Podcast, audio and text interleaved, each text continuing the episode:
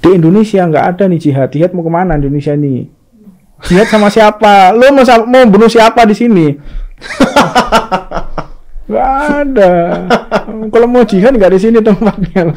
Nih, kan aku jihad mau di ini taman wisata aja sana.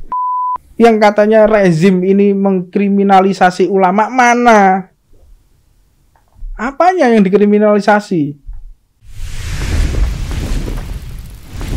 Five, four, three, two, one, and close the door.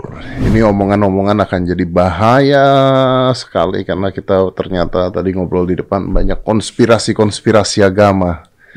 Bahkan di negara kita sendiri banyak waduh yang dari luar sana ingin begini, yang dari sini ingin begini sampai kacau ternyata kacau. Tapi ini adalah Habib Hussein Bagil.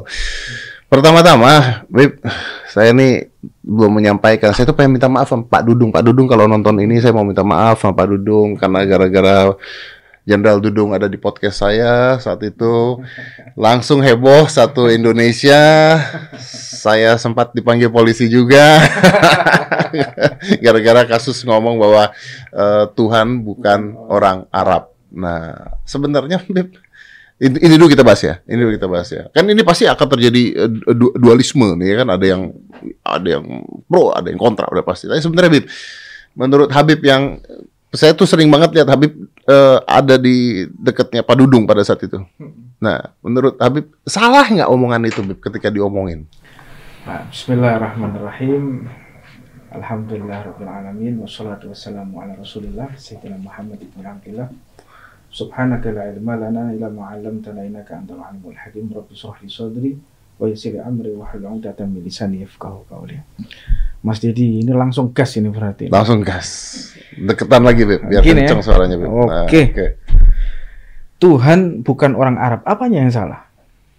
Nggak ada yang salah. Karena menyamakan orang dengan uh, Tuhan dengan orang katanya. Tasbih di dalam ilmu agama namanya tasbih. Jadi mengibaratkan dan kalau kita mau jujur, itulah yang sehari-hari kita ucapkan ketika ngajar santri. Kita kalau ngajar santri caranya nggak begitu.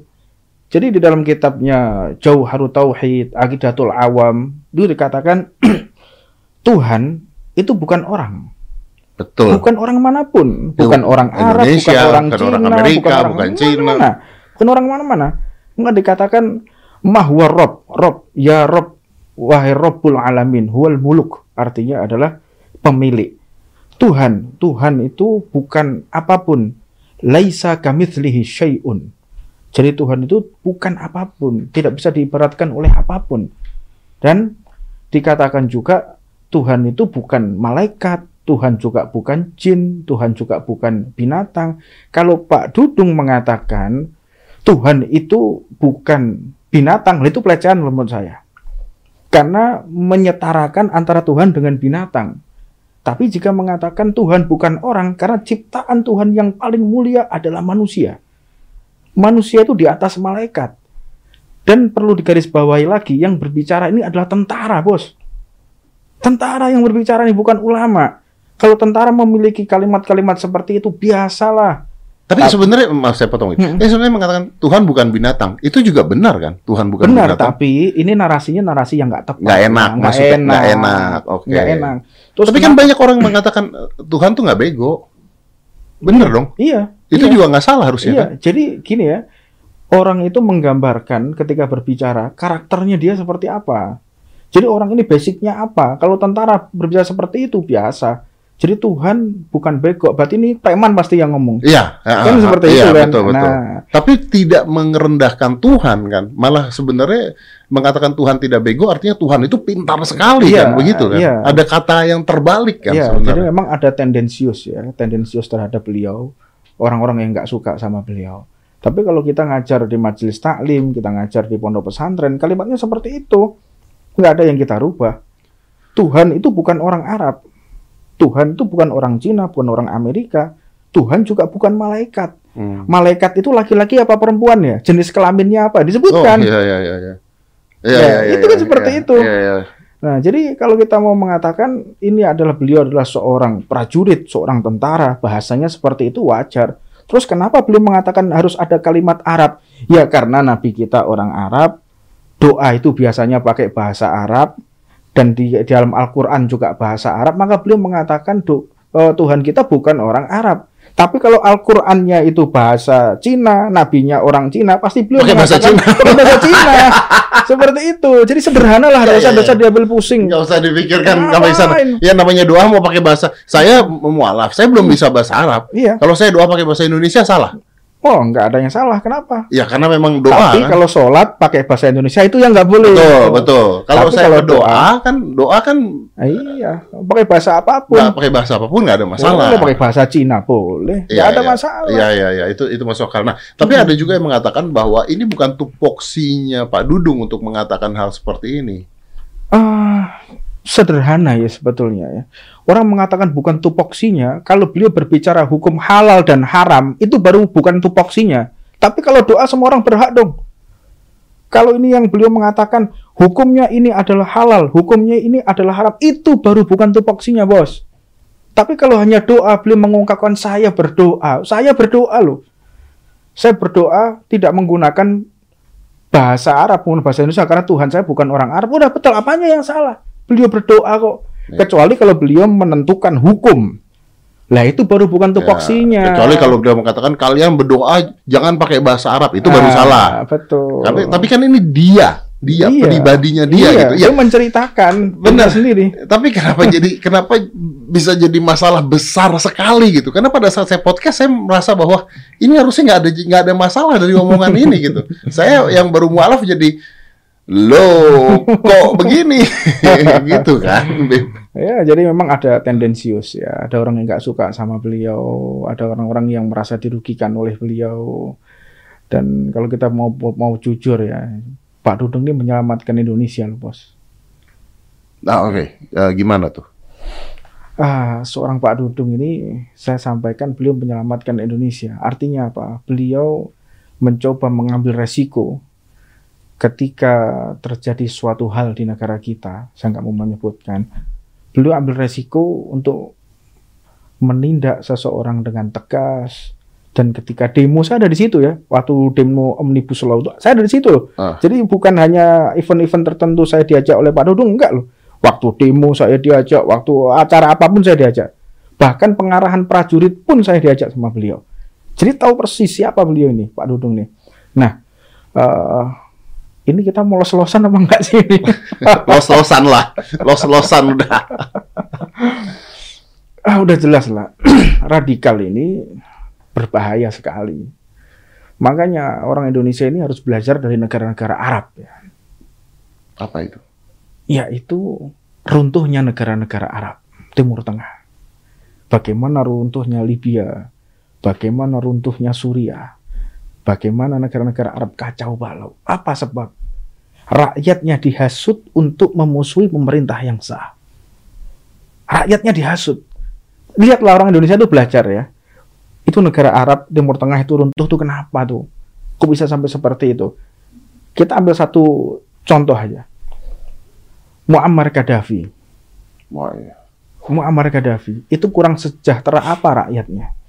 Kalau lahir dibiayai, rumah sakit gratis, kesehatan gratis, pendidikan gratis, air gratis, listrik gratis. Tapi rakyatnya dihasut untuk menggulingkan pemerintah yang nah, sah. Itu, itu dibunuhnya juga. Nah, kalau nggak salah ya. ya iya. Oke, Bib, tapi kan saya saya nggak ngerti ya, saya bodoh lah di dalam dalam hal ini. Tapi gini, kalau kita bicaranya bahwa digulingkan, saya merasa bahwa tidak mungkin ada saudara-saudara kita yang di Indonesia bisa sekuat itu menggulingkan tanpa ada bantuan-bantuan. Iya, yang tentu. lebih besar dari luar. Eh, gitu. tentu, ya tentu. Campur tangan, campur tangan asing itu pasti ada. Orang yang punya kepentingan untuk menguasai negara kita yang indah ini. Kadang-kadang Habib ini orang mana sih orang Indonesia apa orang Arab kan gitu. Oh, saya orang Indonesia, cuman turunan Arab kayak lo. Yeah, Lo kan yeah. orang Indonesia, mungkin oh, turunan Tionghoa kan? Turunan Tionghoa. Dari Cungkok kan? Dari Cina ya betul betul. Cungkok betul betul. Betul betul betul betul. Makanya dikatakan lu orang Arab. Enggak, saya enggak mau dikatakan saya orang Arab. Enggak mau saya. Orang Indonesia. Orang Indonesia, tapi saya turunan Turunan Arab. Arab. Kakek saya lahir di sini. Kakek moyang saya juga ada di sini. Kita mencari nafkah juga ada di Indonesia. Uh. Seperti itu. Jadi cinta kita terhadap Indonesia jangan diragukan. Saya yakin uh, teman-teman Cungkok yang lain, orang Tionghoa yang lain pasti dia cinta dengan Indonesia. Dan saya yakin orang-orang uh, orang-orang Arab, para jamaah ya, baik dari, dari habaib maupun dari masyayikhnya, mereka cinta kepada Indonesia, yakin saya. Tapi ada sekarang ada fenomena uh, penggiringan ke membenci Cina. Uh, membenci ini tergantung daripada basic orangnya ya. Dan tidak ada orang yang punya akhlak yang baik dan pemikiran yang baik dia membenci. Bahkan para aimah, para imam besar ya, para imam besar yang benar-benar imam besar ya, beliau itu mengatakan bahkan setan pun gak kita benci. Setan tidak ada kebencian masuk dalam hatiku. Ini setan yang dikutuk oleh Allah nggak ada karena di hatiku sudah penuh dengan kecintaan kepada Allah dan Rasulullah Shallallahu Alaihi Wasallam. Jadi tidak ada sedikit pun di dalam hatinya untuk benci kepada siapa pun, nggak ada. Para pembenci, orang-orang yang punya narasi buruk dalam berucap, yang harus dikoreksi yang pertama adalah bagaimana cara engkau mencari nafkah. Koreksi dulu. Yang kedua, orang-orang yang suka membenci, apa yang kau lakukan sehingga engkau membenci kepada seseorang, pasti ini berkaitan dengan hawa nafsumu yang belum tercapai. Orang membenci karena itu. Apa ada orang membenci karena sesuatu yang lain? Enggak, setan aja. Orang udah bersih hatinya ya. Setan nggak dibenci. Pernah hmm. ditanya, kenapa setan nggak dibenci? Karena karena kalau tanpa setan, kehidupan rotasi eh, rotasi kehidupan ini nggak akan bisa nggak akan bisa jalan dengan jalan dengan baik. baik betul. Subhanallah. Jadi mereka selalu berprasangka baik. Sama setan aja berprasangka baik. Orang kalau hatinya bersih. Tapi kalau orang sudah hatinya buruk dia benci sana benci sini. Makanya saya ingin saya ingin menambahkan dan mengingatkan kepada semua orang khususnya para dai para ulama para habaib ya. Kembalilah kita kepada asas kakek-kakek kita apa itu? Di antaranya Al Habib Abu Bakar Al Adni.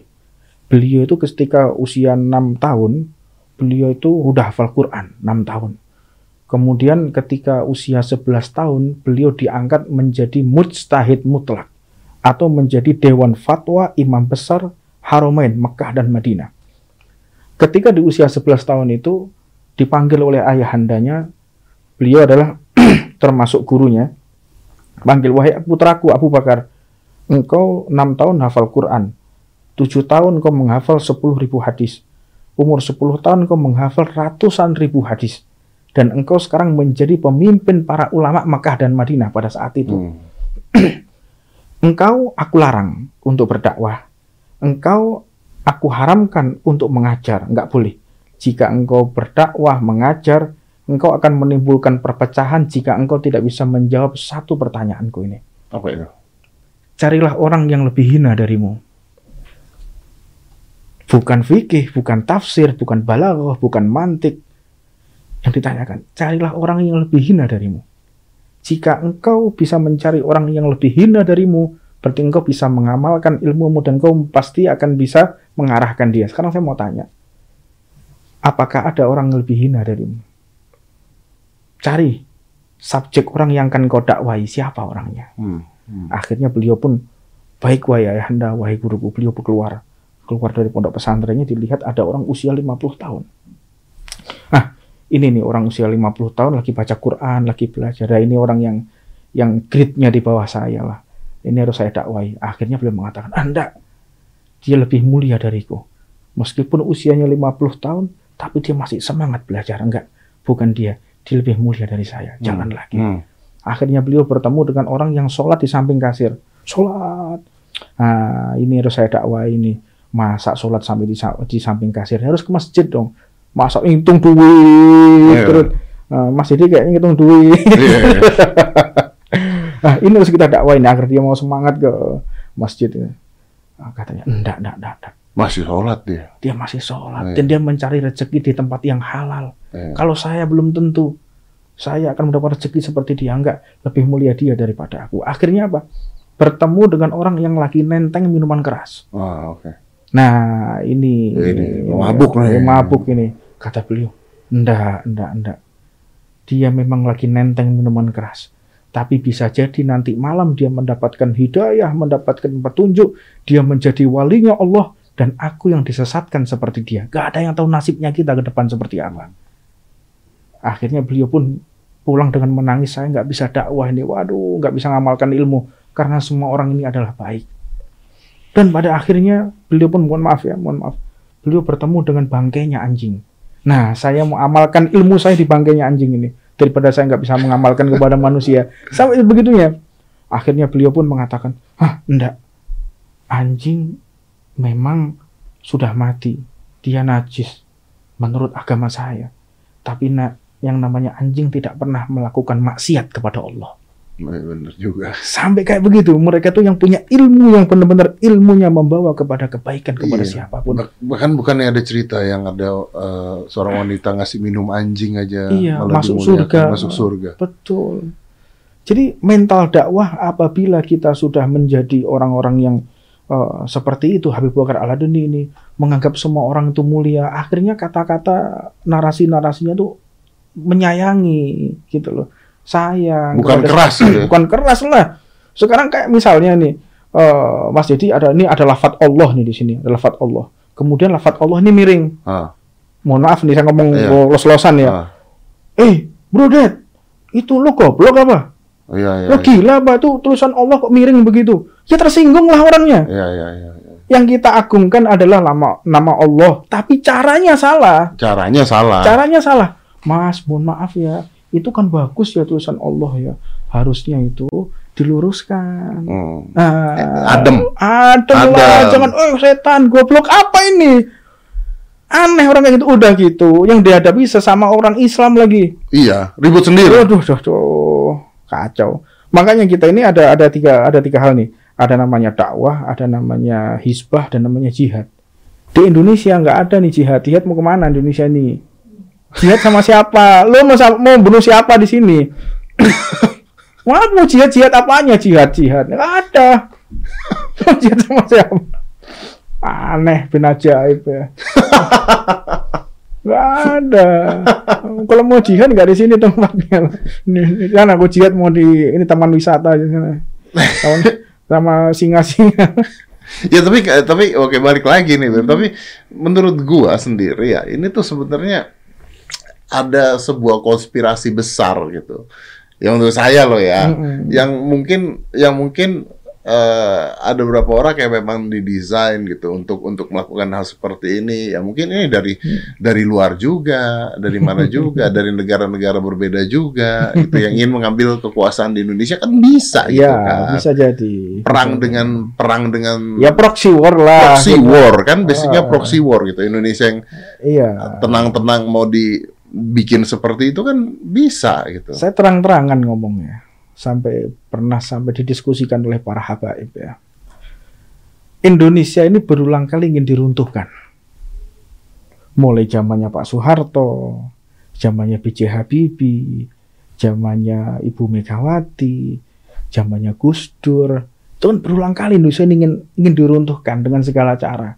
Makanya sekarang ini zamannya Pak Jokowi, kita harus jaga Pak Jokowi ini bareng-bareng. Runtuhnya Pak Jokowi, runtuhnya majelis taklim. Runtuhnya Pak Jokowi, runtuhnya pondok pesantren. Dan saya benar-benar bangga ya punya presiden seperti Pak Jokowi. Karena apa? Mulai orang pakai jilbab tambah banyak. Kemudian tentara pakai jilbab mulai banyak. Polisi pakai jilbab mulai banyak. Majelis taklim berkembang di mana-mana. Pondok pesantren di mana-mana pondok pesantren kami yang ada di Batu sampai sekarang IMB-nya nggak ada. Ya nggak ada juga tuh yang protes. Mana yang katanya rezim ini mengkriminalisasi ulama mana? Apanya yang dikriminalisasi? Pondok di mana-mana, masjid di mana-mana nggak ada IMB.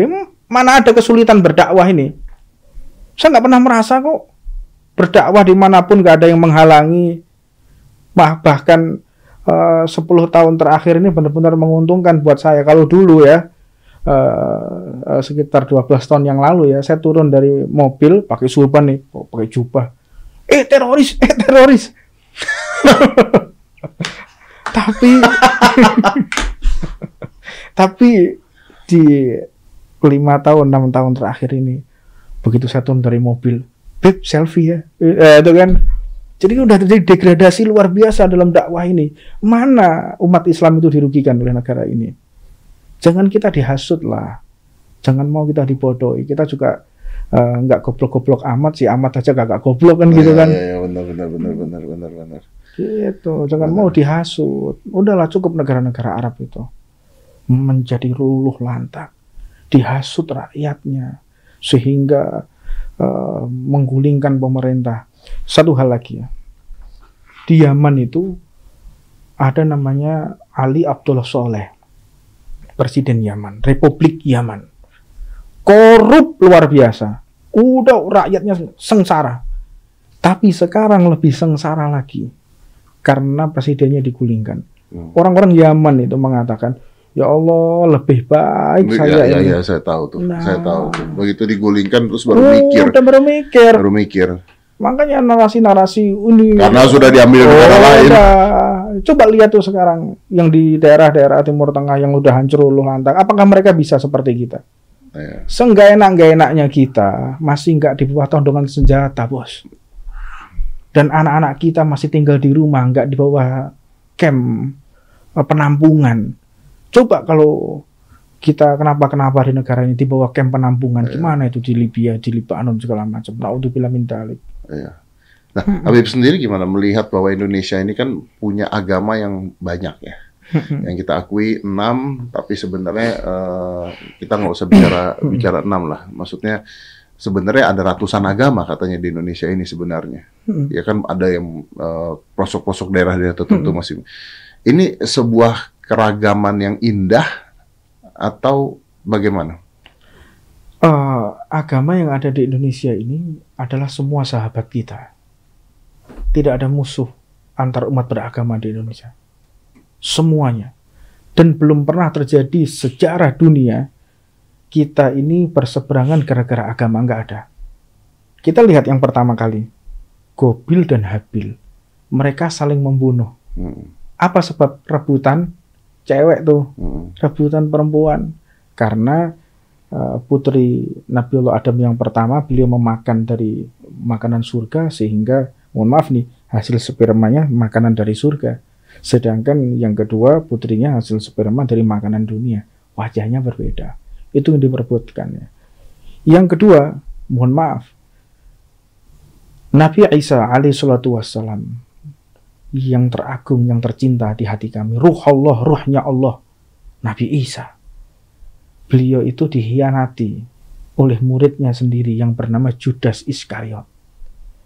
Apakah karena beda ras? Tidak. Beda agama? Oh muridnya sendiri kok. Jadi pembunuhan juga itu diawali dengan wanita. Yang kedua masalah Nabi Isa itu karena sebab tahta. Kekuasaan. Kekuasaan tahta. Kemudian kita saksi hidup kok. Kita ini saksi hidup ya. Ketika Amerika membombardir Irak, landasan perangnya di mana, Bos? Di mana landasan perangnya? Ayo mau jujur-jujuran. Ayo mau jujur-jujuran di mana landasan perangnya? Yang mensuplai makanan tentara Amerika itu siapa ya? Yang mereka membunuh saudara saya Islam yang ada di Irak itu. Siapa tuh? Sadar dong. Berarti kerusakan apa pun ini bukan karena agama. Bukan karena beda agama, kepentingan. Kepentingan, kekuasaan. Hmm, harta, tahta, wanita. Wanita. Kalau buat tentara satu lagi, samapta katanya. Oh iya, iya, iya, iya, iya, iya, iya. Jadi sebenarnya agama ini harusnya berdamai ya semuanya. Pasti. Bahkan Nabi Muhammad mengatakan, Man adantu dimian khosmuhu khosamtuhu yaumul qiyamah. Barang siapa memusuhi Konghucu, memusuhi Nasrani, Buddha, Hindu, sama seperti memusuhi aku. Barang siapa merendahkan harga diri mereka seperti merendahkan harga diriku. Barang siapa menumpahkan darah mereka, orang Konghucu, orang Kristiani, seperti menumpahkan darahku. Ini pesan Nabi Muhammad SAW. Tidak boleh permusuhan antar agama. Ayo kita saling mencintai, saling mengagungkan. Silahkan, ini dakwah ini sekarang ini bukan cari benar, tapi berebut simpatik. Jangan sampai kita ini kehilangan simpatik. Orang Islam nih harus berebut simpatik. Pandai-pandai dong kita ini. di negara yang indah seperti ini. Ayo kita benar-benar merangkul sana, merangkul sini. Makanya saya benar mengapresiasi ya. Ada namanya uh, Buddha Zuci. Benar gak sih saya bilang? Ya, ya, ya. Buddha, Ada Buddha, Buddha Suci. Ya. Itu Buddha Suci itu. Saya mengapresiasi itu. Saya saya kepingin ketemu, kemudian di, di, dilihat juga nih sama beliau-beliau itu. Saya kepingin ketemu sama beliau-beliau itu. Begitu perhatiannya kepada masyarakat dengan makanan, sembako, luar biasa bos. Waduh, saya terenyuh lihat mereka. Bahkan ketika rumah kami dijadikan uh, posko untuk vaksin, itu Buddha Suci lah yang mensupport agar mereka mau untuk divaksin dengan apa? Dengan sembako. Hmm. Subhanallah. Ya, ya. Ini kok tukar-tukar ya sekarang ini. dan dan itu juga banyak orang Tionghoanya juga ya. Iya. Ya, makanya saya kadang-kadang kok gini ya? Kok kebalik-balik ya? Padahal Islam ini menurut saya Islam ini mengajarkan ayo kita berbagi, ayo kita mencintai. Tapi kok ada organisasi yang menerapkan ajaran Nabi Muhammad SAW lebih dari orang Islamnya. Lebih dari orang Islamnya yang mereka berbuat. Betul begitu benar-benar mengaplikasikan uh, sopan santun dan aduh Ya benar-benar. Hmm. Ya karena memang benar di surat Al-Kafirun juga mengatakan agama mau agamamu, agamaku agamaku, ya kan? Masya Allah, dan belajar ya. Dan harusnya saling menghargai kan, Betul. intinya begitu kan. Itu juga diingat dengan ras tuh kan, iya. etnis dengan Betul. dengan apa-apa juga gitu. Tapi Betul. sekarang kan banyak yang mengatakan bahwa eh, itu yang tadi kalau saya balik lagi nih, uh, mengatakan bahwa kriminalisasi ulama, kriminalisasi ulama saya mungkin salah ya, karena kalau kita ngomong begini nanti dianggapnya kita pro pemerintah gitu loh. Loh, emang kita pro pemerintah kok? Ya enggak, tapi maksudnya buat mereka kan, wah ini wah, dasar pro, pro pemerintah Pemerintah aja, gitu. salah aja kita bilang, apalagi benar. Udah gitu aja poinnya. Makanya dikatakan oleh Rasulullah, man asbaha. Barang siapa di pagi hari, fi jasadi aminan. Jadi yang ini dulu hadis ini dianak tirikan.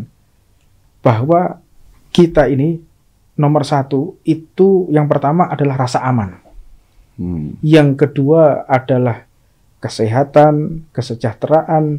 Yang ketiga baru ibadah. Ibadah itu belakangan, menegakkan syariat itu belakangan. Hmm. Kalau lapar suruh Buat ibadah apa? susah. bisa. Jadi bahkan di agama kita nih, sholat itu adalah agama yang paling tidak ada alasan untuk ditinggalkan dan paling mulia sholat ya. Ketika kita sholat, Allahu Akbar, Inna sholati wa nusuki wa mahyaya wa Allahu Akbar. Ada saudara kita Konghucu, ada saudara kita Nasrani, Buddha lagi tenggelam, haram sholat kita bos. Sholat kita menjadi haram. Kenapa kita membiarkan orang lagi tenggelam, walaupun itu adalah yang bukan seagama dengan kita. Ini ajaran kita seperti itu. Jadi gimana saya berpikir orang-orang ini ya, bahwa Kelangsungan hidup itu adalah prioritas utama. Keamanan itu adalah prioritas utama. Bahkan Nabi Muhammad ini pernah memerintahkan bakar masjidnya dan bunuh orang-orang yang sholat di dalam masjid. Itu pernah dilakukan Nabi Muhammad. Pernah pernah dengar nggak seperti itu? Iya pernah dengar. Nah, jadi stabilitas negara ini nomor satu. Baru yang lain-lain. Bahkan di dalam rukun di dalam agama itu hijul baiti man istata'a ilaihi sabila haji itu adalah kewajiban. Tapi kar, uh, ketika kita haji kemudian uh, anak kita kelaparan, istri kita juga uh, kelaparan, ya, jadi, maka, enggak, jadi enggak, jadi enggak wajib, wajib. gitu loh. jadi jangan dibalik-balik gitu loh.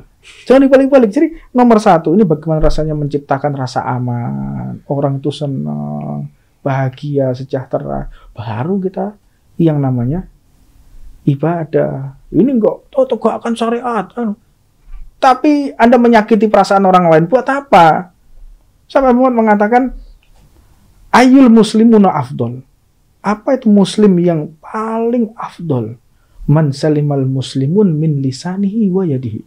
Orang Islam yang paling baik adalah yang bisa menjaga lisannya, tidak menggores perasaan apa pun. Makanya lihat itu Wali Songo. Wali Songo itu bisa mengislamkan dari Sabang sampai Merauke. Poin yang pertama, tidak ada orang yang mersakiti hatinya. Yang paling sulit ketika berdakwah itu tidak ada orang yang tersinggung. Nggak ada orang tersakiti hatinya. Menentramkan. Dulu raja-raja yang ada di Indonesia, Prabu Siliwangi, Brawijaya, Singosari, sampai para habaib yang datang Wali Songo itu para habaib Wali Songo itu diambil mantu karena apa? Akhlaknya, sopan santunnya. Ya. Subhanallah. Jangan salah ya, Pak Dudung juga termasuk cucunya Wali Songo loh. Hmm. Huh? Oh. Beliau cucu dari Sunan Gunung Jati, Mas. Oh. Beliau yang ke-15. Oh. Nah, kalau kami dari Tuban, jadi cocoknya Sunan Bonang. Jadi sudah lumrah lah ke Sunan Gunung Jati ditempel sama Sunan Bonang. Makanya lucu ya pada saat pada saat dulu aja waktu ada COVID gitu ya, pemerintah hmm. melarang uh, sholat dianjurkan bukan melarang sholat dianjurkan untuk nggak ke masjid karena hmm. ada COVID hmm. ada virus, tapi keluar suara-suara yang mengatakan pemerintah kafir. ya itu. Padahal kan kalau menurut Habib tadi kan keselamatan itu yang iya, utama. paling utama. Keselamatan yang paling utama. Iya, memang benar sih, memang harusnya seperti itu. Nah, makanya hmm. tadi yang eh, kriminalisasi ulama itu ulama yang seperti apa nih? Anda Anda tidak pernah merasa dikriminalisasi. Ulama-ulama lain banyak di iya, Indonesia. Iya. Kayaknya ulama iya. banyak banget di Indonesia yang iyalah mendominasi. Oke-oke aja gitu kan iya, ada masalah. Jadi saya sempat kemarin sama Pak Fadil, ah. Pak Fadil Imron Eh, Bapak Kapolda Metro ya. Uh, beliau tanya, berikan saya masukan. Beliau berikan saya masukan. Uh, masukannya seperti ini Bapak. Selama Bapak sesuai dengan aturan yang telah ditentukan oleh negara ini, jangan pernah takut, jangan jangan pernah ragu berbuat apa pun. Saya bertanggung jawab dunia sampai akhirat. Stabilitas negara adalah nomor satu. Makanya saya cerita ke beliau ya, cerita ke beliau. Buya Hamka, hmm, hmm, hmm. itu Buya Hamka tuh uh, pernah ditanya oleh uh, satu teman satu bangku ya tanya uh, saya dari Arab loh hmm. loh dilihat bule ini orang bule orang Amerika nih oh. Saya dari Arab loh. Oh ya bapak kayaknya orang Islam. Ya saya orang Islam. Di Arab itu ada narkoba. Di kota suci itu ada minuman keras. Di kota suci itu ada prostitusi. Beliau pun tersenyum. Kalau saya dari Amerika, saya jalan-jalan ke Beverly Hills, ke mana-mana. Di Beverly Hills itu nggak ada kok yang namanya perempuan buka aurat. Di Beverly Hills itu nggak ada kok yang namanya prostitusi, apalagi minuman keras juga nggak ada. Ah, Anda berbohong, Anda berbohong. Enggak, saya nggak berbohong. Karena yang saya alami seperti itu. Itu mungkin yang Anda alami. Anda ngapain aja di kota suci kok sampai pergi mana? sama siapa? Lu lu gaulnya ke mana? Iya. gitu. Lu ngapain aja? saya juga nggak pernah ditilang polisi kok. Saya selama punya motor mulai kecil sampai sekarang saya nggak pernah ditilang polisi kok. Tapi ada juga tuh teman-teman saya, saya tuh oh, ke mana pun ditilang sama polisi. Kurang ajar polisi ini. Lalu nggak pakai helm, blok, ya begitu kan? Iya, iya, betul. Kendem iya, nih orang. Iya, iya. Lalu nggak pakai Ini hanya untuk orang yang IQ-nya di atas 150 ya. Jadi nggak perlu saya jawab lah pertanyaan lo tadi. Iya kan? Itu aja. Iya benar benar benar. Itu ini ya kalau yang konsumsi orang-orang yang pekok-pekok ya udah biarin lah. saya tuh malah punya jokes kan, saya punya jokes. saya, saya jokes saya saya bilangin, eh tahu nggak di Islam itu babi boleh makan. Saya bilang gitu. Terus pada marah, nggak bisa dong begini dulu. Dia bilang, masa babi nggak boleh makan? Gue bilang, lapar dong babi nggak boleh makan. Sholat tuh juga boleh dilanggar.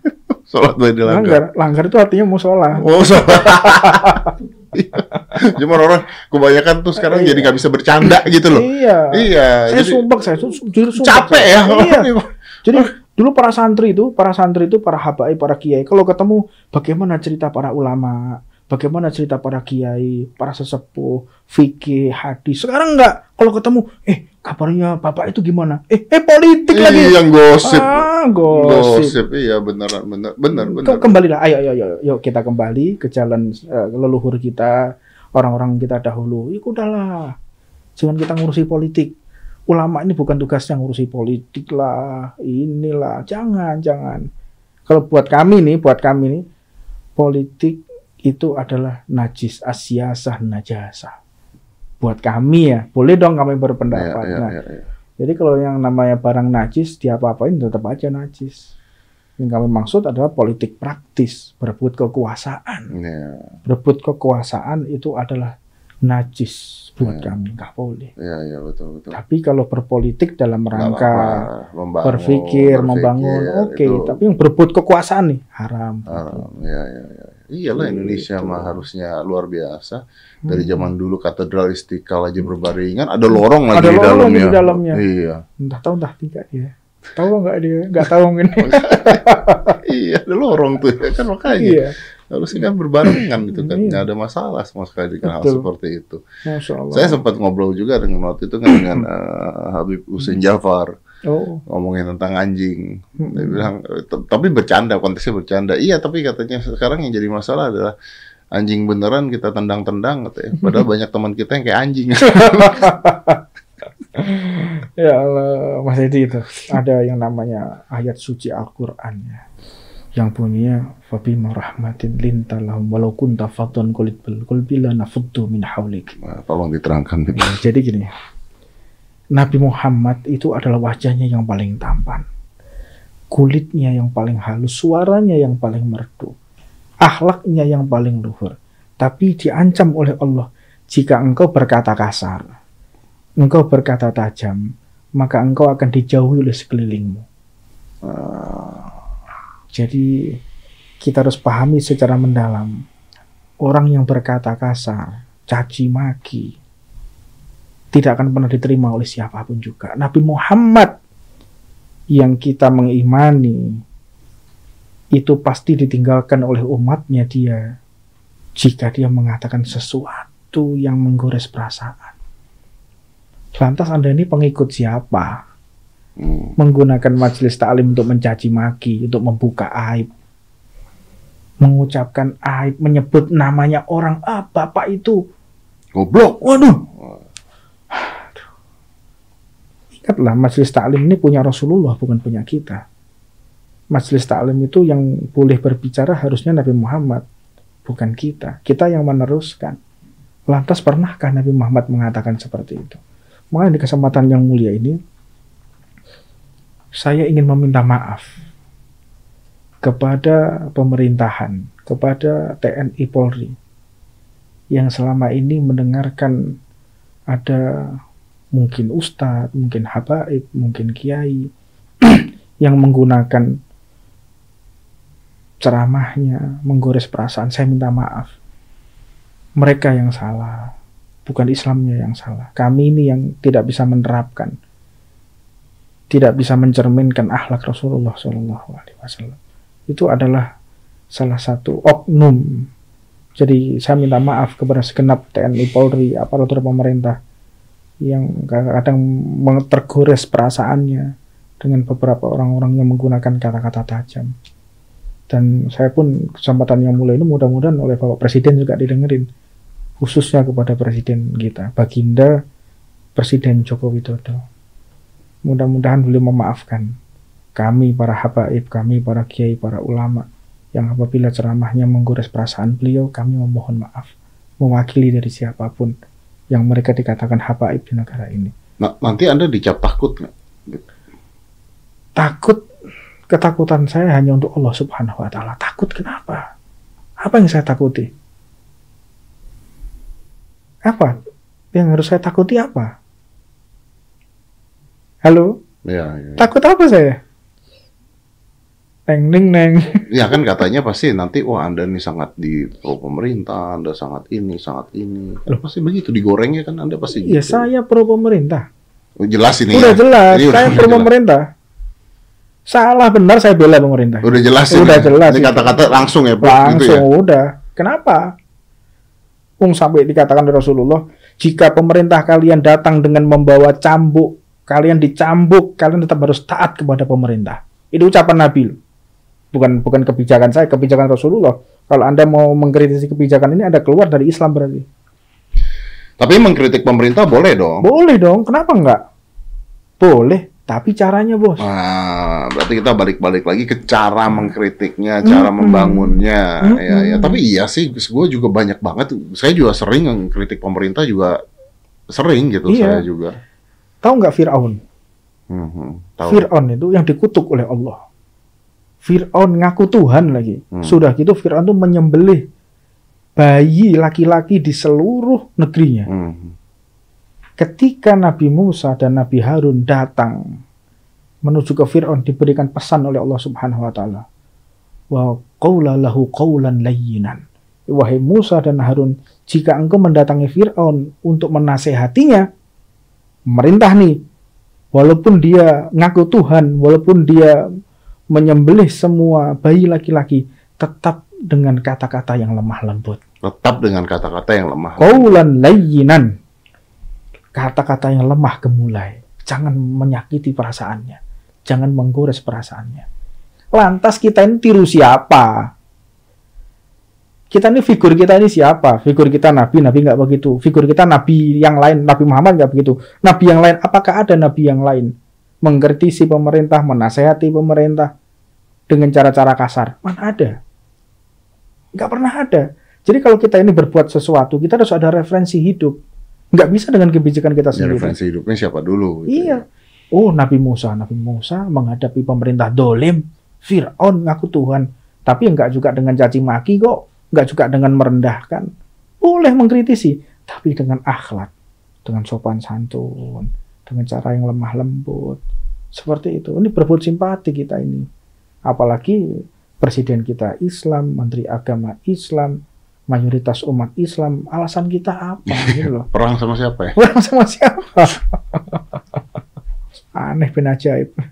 Ya, betul. Gitu, ya, ya, Jadi Indonesia itu harusnya oke, okay, mungkin saya tutup gini. Jadi eh, Indonesia tuh harusnya gimana sekarang menghadapi eh, isu-isu uh, agama yang pelik ini? Gampang kalau saya. Isu agama ini cara solusinya adalah introspeksi diri. Hmm.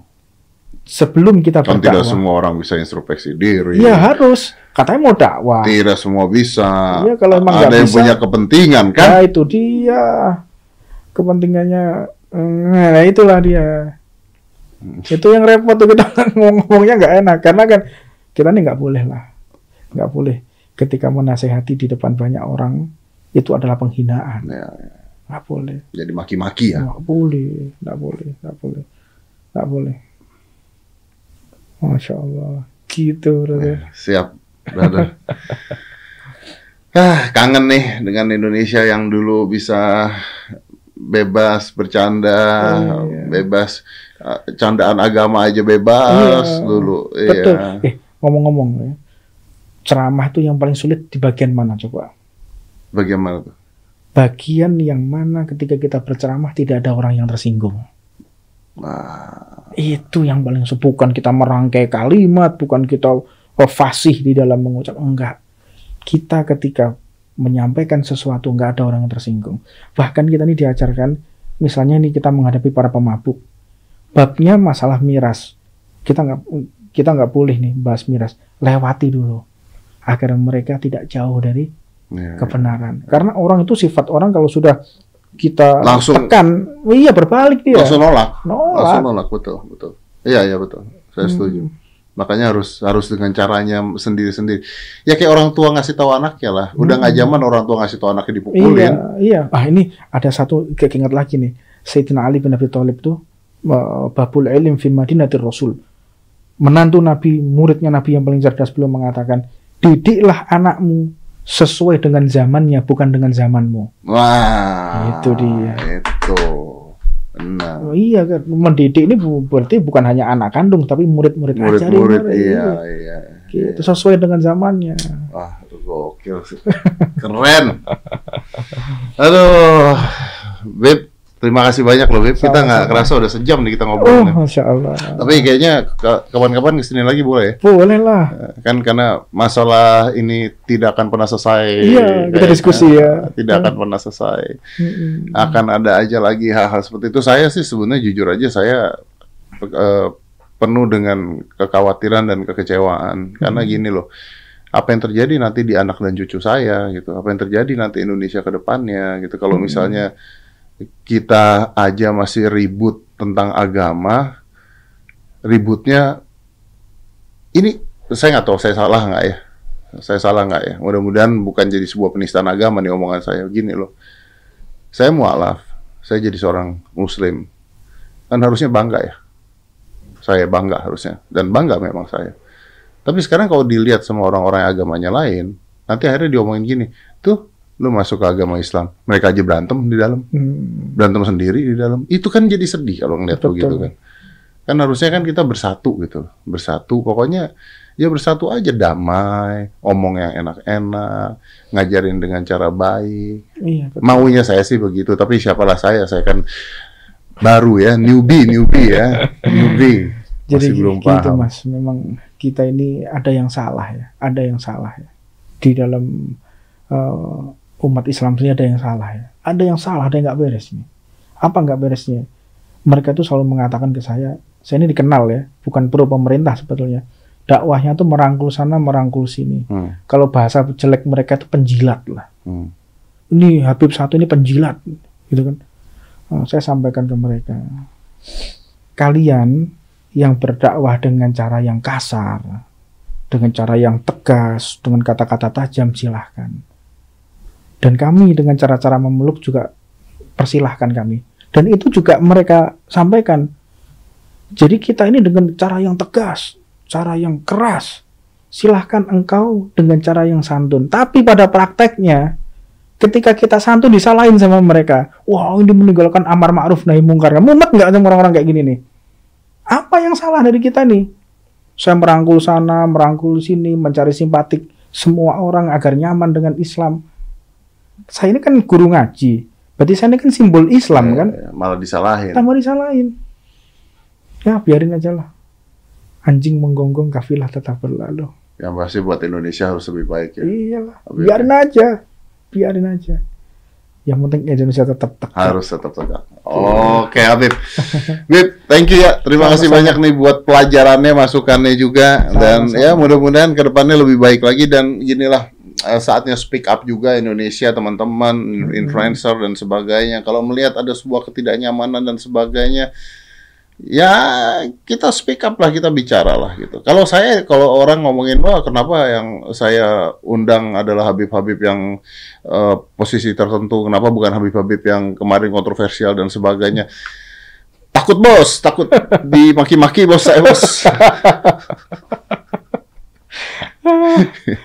Iyalah, memang memang harus seperti itu. Para ulama juga mengatakan Uh, jika engkau menasehatiku dengan cara yang kasar, saya nggak mau. Iya benar. Ya saya juga nggak mau. Ngapain? Iya, ngapain? Orang menasehati dengan cara caci maki. Belum apa-apa udah dimarahin. Ke sana ke kandang macan aja nasehati itu iya, macannya. Iya benar. Saya tuh yang paling lucu adalah ketika ngomongin tentang, tapi ini dulu lah tentang kafir, kafir, kafir, kafir. Wah kafir begini kafir. Tapi mikrofonnya masih pakai buatan Cina. Nah, iya ngapain? Memang jujur ya. Ya memang kafir. Ya, memang, memang kafir. Ngomong, tapi kan ngomong-ngomong Cina nih macam-macam gue nih.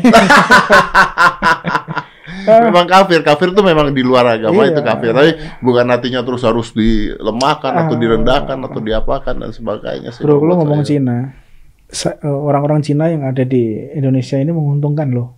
Menguntungkan? Menguntungkan lah. Emangnya salahnya apa orang Cina di Indonesia ini? Sampai dikatakan utul ilma walau bisin. Tuntutlah ilmu sampai ke negeri Cina.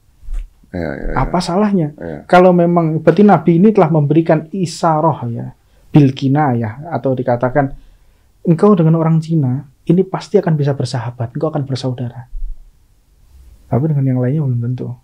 Hmm. Nabi udah mengatakan tuh. Ya makanya tuntutlah ilmu sampai, sampai negeri Cina. Cina. Ya. Nah itu ada ada ada tiga ada tiga tiga hal artinya. Yang pertama makanin bait tempat yang jauh. Yang kedua adalah artinya ajarkan ilmu sampai ke negeri Cina atau tuntutlah ilmu sampai ke negeri Cina. Artinya orang Cina di mana pun insya Allah menguntungkan. Apalagi di Indonesia mereka menguntungkan. Dan tidak ada cerita kisah sejarah mana pun orang Cina memusuhi Islam. Nggak ada kok. Mana ada? Agama ya, saya berbicara agama, agama, ya. agama. Orang Cina memusuhi agama Islam. Ayo, mana? Konteksnya karena dia beribadah kemudian dimusuhi. Dia sholat kemudian dimusuhi. Seperti yang saya ceritakan tadi, Prof. Ya, ya, ya, ya. Gitu. Oh, itu nanti bahasan tersendiri. Iya, dah, jangan di sini. Jangan di sini. Oke, Habib, terima kasih okay. banyak. Ya, sukses terus, sehat Insya terus. Insya Salam dengan Pak Dudung juga. Insya Allah. Salam, sampaikan permintaan maaf saya. Insya Allah. Mudah-mudahan beliau panjang umur, sehat. Panjang umur, sehat terus. Iya. Thank you, Habib. Sama -sama. Terima kasih banyak. Sama -sama. Saya tutup ya. Five, four, three, two, one, and close the door.